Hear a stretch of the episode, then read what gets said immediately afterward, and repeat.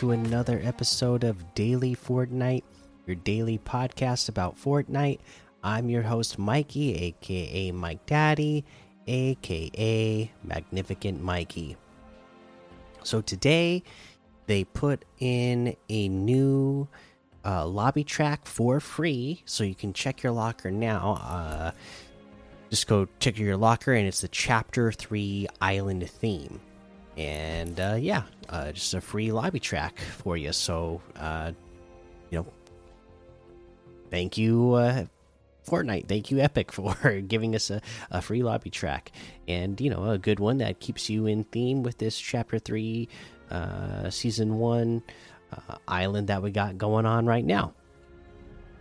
Uh, now, for uh, the news that we have uh, today. Uh, let's cover the creative update since we did the Battle Royale update yesterday. Uh, this is Fortnite Creative version 19.20 update. Version 19.20 update is warming up as we continue into the new year. XP earned during the calibration has been updated to allow players to earn XP even while an island is being calibrated. While players are battling it out for XP, creators can now really turn things up another level by enabling fire in their islands. Creators, remember the Fortnite Creative documentation site is updated every patch with additional details use cases, and thought starters for newly released and updated devices. Accolade XP Calibration. Get ready to share the big news with your players, creators. We're improving the XP Beyond Battle Royale experience. As you know, creative experiences undergo calibration before they begin granting Battle Pass XP from your in game accolades. Now, with version 19.20, if a player has triggered an accolade before calibration was complete, they'll be rewarded with XP once the experience is calibrated. Additionally, creators will be notified through email on the calibration status of their experience. Requirements Players who previously participated in creative experiences while they were undergoing calibration within the last 30 days may be rewarded XP retroactively when these experiences pass calibration. Claiming rewards players can claim their XP reward when they log into Fortnite. New natural forces Fire. Fire is a force to be reckoned with, and creators now have the ability to enable fire effects in their experiences. We're also bringing some new fire weapons from Battle Royale into Creative for the first time. We'll be adding additional ways to control fire in future updates. New fire items: the primal flame blow, the primal flame bow, the flare gun, fireflies, and gas can. New gas for vehicles. Speed around the racetrack to beat that time trial, but don't forget to fuel up. Creators who really want to spice up vehicles in their maps can now include gas cans and have them fuel the vehicles in their islands. We've also added a configurable fuel pump device to let your players gas up and get going. New skydive volume. You may have felt the effects of the skydive volume if you have if you've taken part in some of our previous music experiences. But now this device is available to everyone to send players flying. Creative air elevators or create air elevators, wind tunnels, and more as you experiment with all the cool features of this new device. For more details, we've added the skydive volume to the Fortnite Creative document site. New channel number text entry. A small change, but a massive one. You can now directly type in channel numbers when setting up transmitters and receivers on all devices. Console players can benefit too with the virtual keyboard support available on all devices. We'll be looking to roll out direct number entry support to other device options in future updates. Update Sentry device. The Sentry is the latest device device to be changed from a trap device to a prop. But that's not all. We've added a whole bunch of features to the new version, including added, adding sentries to teams, a whole new idle, alert, hostile system, and bunch of new transmitters and receivers to give sentries a whole new lease on life. Enjoy! Update objective devices. Objective devices have been updated with the icon library options. A new option, custom objective text, is also added to allow creators to customize the objective next the objective name text on HUD.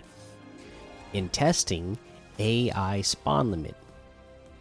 We've raised the maximum number of fiends and animals that can be spawned at once from 20 to 30 of each type. We'll be monitoring performance impact and may increase or decrease that limit depending on the results. Other device updates Button device now has a class filter.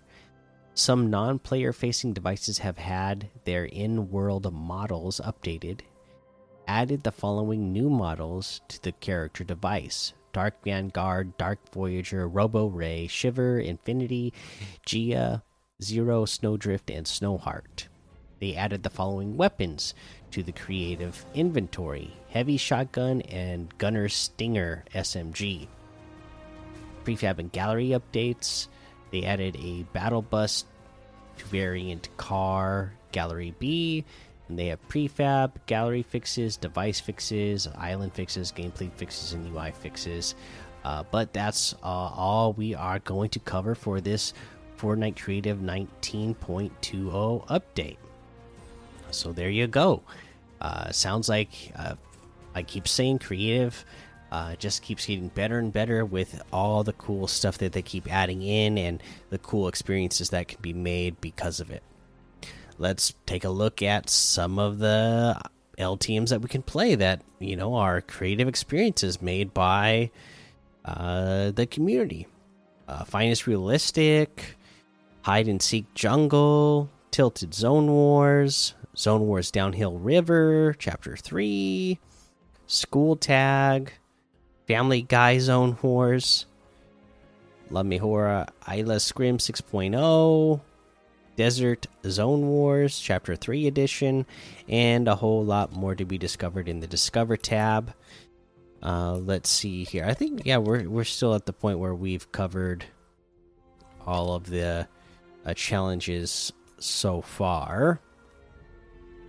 So let's go ahead and head on over to the item shop and see what is in the item shop today. Looks like we have the arcane items are still here. Green Goblin still here. All of the marshmallow stuff is still here. Uh, let's see here, and then the what, what do you call these again? The show your style set. These are the outfits that you can wear whatever wrap you want to wear, and then their clothes become, you know, their jacket become uh, that wrap. And uh, you can get each of those model characters 1,500 each. So just choose which one you like.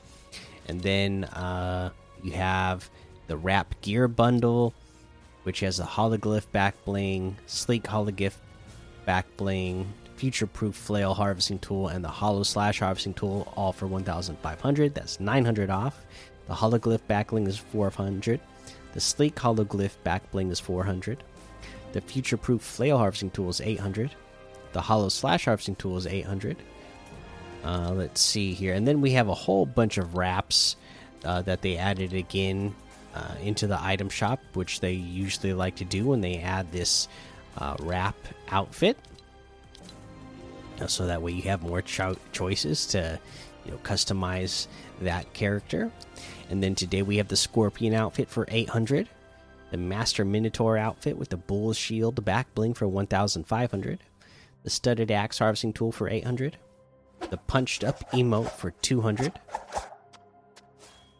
the flint striker harvesting tool for 500 the scorecard emote for 200 uh, we have the Nevermore bundle, which has Ravage outfit, Darkwing's backbling, Iron Beak harvesting tool, Feathered Flyer glider, Dark Feathers contrail, the Raven outfit, and the Iron Cage backbling. I already own the Raven and Iron Cage, so I can get this bundle for a thousand V bucks in total, which is at uh, two thousand six hundred off of the total. Uh, you can get them separately Raven outfit with the Iron Cage backbling itself is 2000. The Ravage outfit with the Dark Wings backbling and Dark Feathers contrail is 2000. The Iron Beak harvesting tool is 800. The Feathered Flyer glider is 800. Uh, and then today we have the Etheria outfit with the Crystal Spirit backbling for 1200. The Crystalline Battle Wand harvesting tool for 800. The Surf Witch outfit with the Star Power backbling for 1200. The Starstruck Axe harvesting tool for 800 the Dark Bomber outfit with the Dark Bag backbling for 1200, the Thunder Crash harvesting tool for 1200, the Dark Glyph glider for 500. And that looks like everything today. So you can get any and all of these items using code Mikey M M M I K I E in the item shop, and some of the proceeds will go to help support the show. Okay, like I said, uh, you know, I still haven't gotten a chance to play since the update come uh, came out yesterday. Uh, I'm actually going to try to play a little bit after I record this episode here, but here's what I know just from watching the little bit that I've got to watch with the new heavy shotgun, okay, and details I've been hearing about it. This thing is a sniper.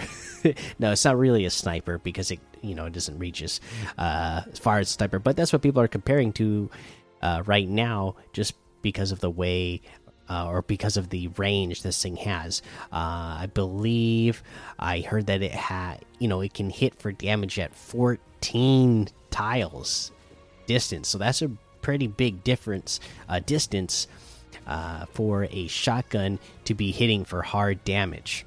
So, again, uh, this might not be the heavy shotgun that you were used to back in the day, but uh, so far, what I hear about it sounds like it's pretty powerful, uh, based on the the amount of damage that you can do at a at a pretty great distance. So definitely be checking this thing out. I know I'm going to after I record this. So yeah, uh, make sure you go join the Daily Fortnite Discord and hang out with us. Follow me over on Twitch, Twitter, and YouTube. Head over to Apple Podcasts, leave a five star rating and a written review for a shout out on the show.